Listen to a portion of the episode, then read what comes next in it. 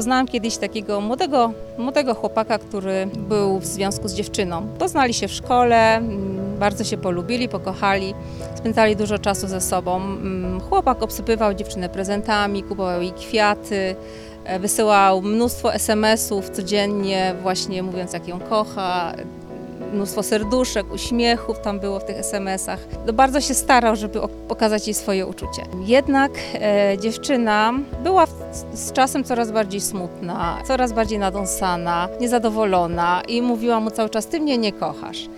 E, Dlaczego mnie nie kochasz? Kiedy on mówił: No jak to nie kocham? Przecież cię kocham. I dalej mm, tak realizował te swo- swoje uczucia w ten sposób pokazywał. No niestety dziewczyna odeszła od tego chłopaka. Eks-chłopak się bardzo zasmucił, no miał złamane serce, zupełnie nie rozumiał jej decyzji. Przecież zrobił wszystko, żeby, żeby jej e, okazać swoje uczucia i było to dla niego no, duży cios tak, i niezrozumienie. Miało być tak pięknie. Po jakimś czasie spotkali się znowu, emocje już minęły i chłopak zapytał konkretnie dziewczynę, co, się takie, co takiego ja robiłem, że, że, tobie się, że nie czułaś się kochana.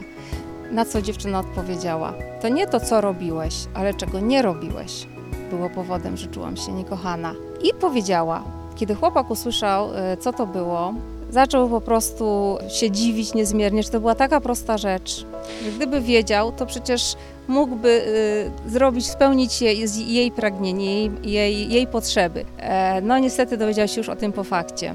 Zapewne jesteście ciekawi, co, to, co takiego chłopak nie robił, a czego potrzebowała ta młoda dziewczyna. Nie zdradzę teraz tego. Jeżeli chcecie się dowiedzieć, co było przyczyną tego rozstania, zapraszam na warsztaty Kocham, lubię, szanuję, jak się komunikuję.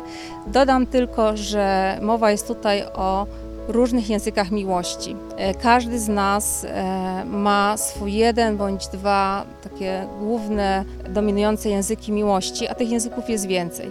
Więc jeżeli e, chcemy okazać komuś swoje uczucia, powinniśmy mówić w języku tej osoby miłości, a nie w naszym, ponieważ mogą się one różnić. Jakie to są języki, co robić, żeby okazywać swoje uczucia tak, żeby ta druga osoba je właściwie odebrała, o tym właśnie na warsztatach.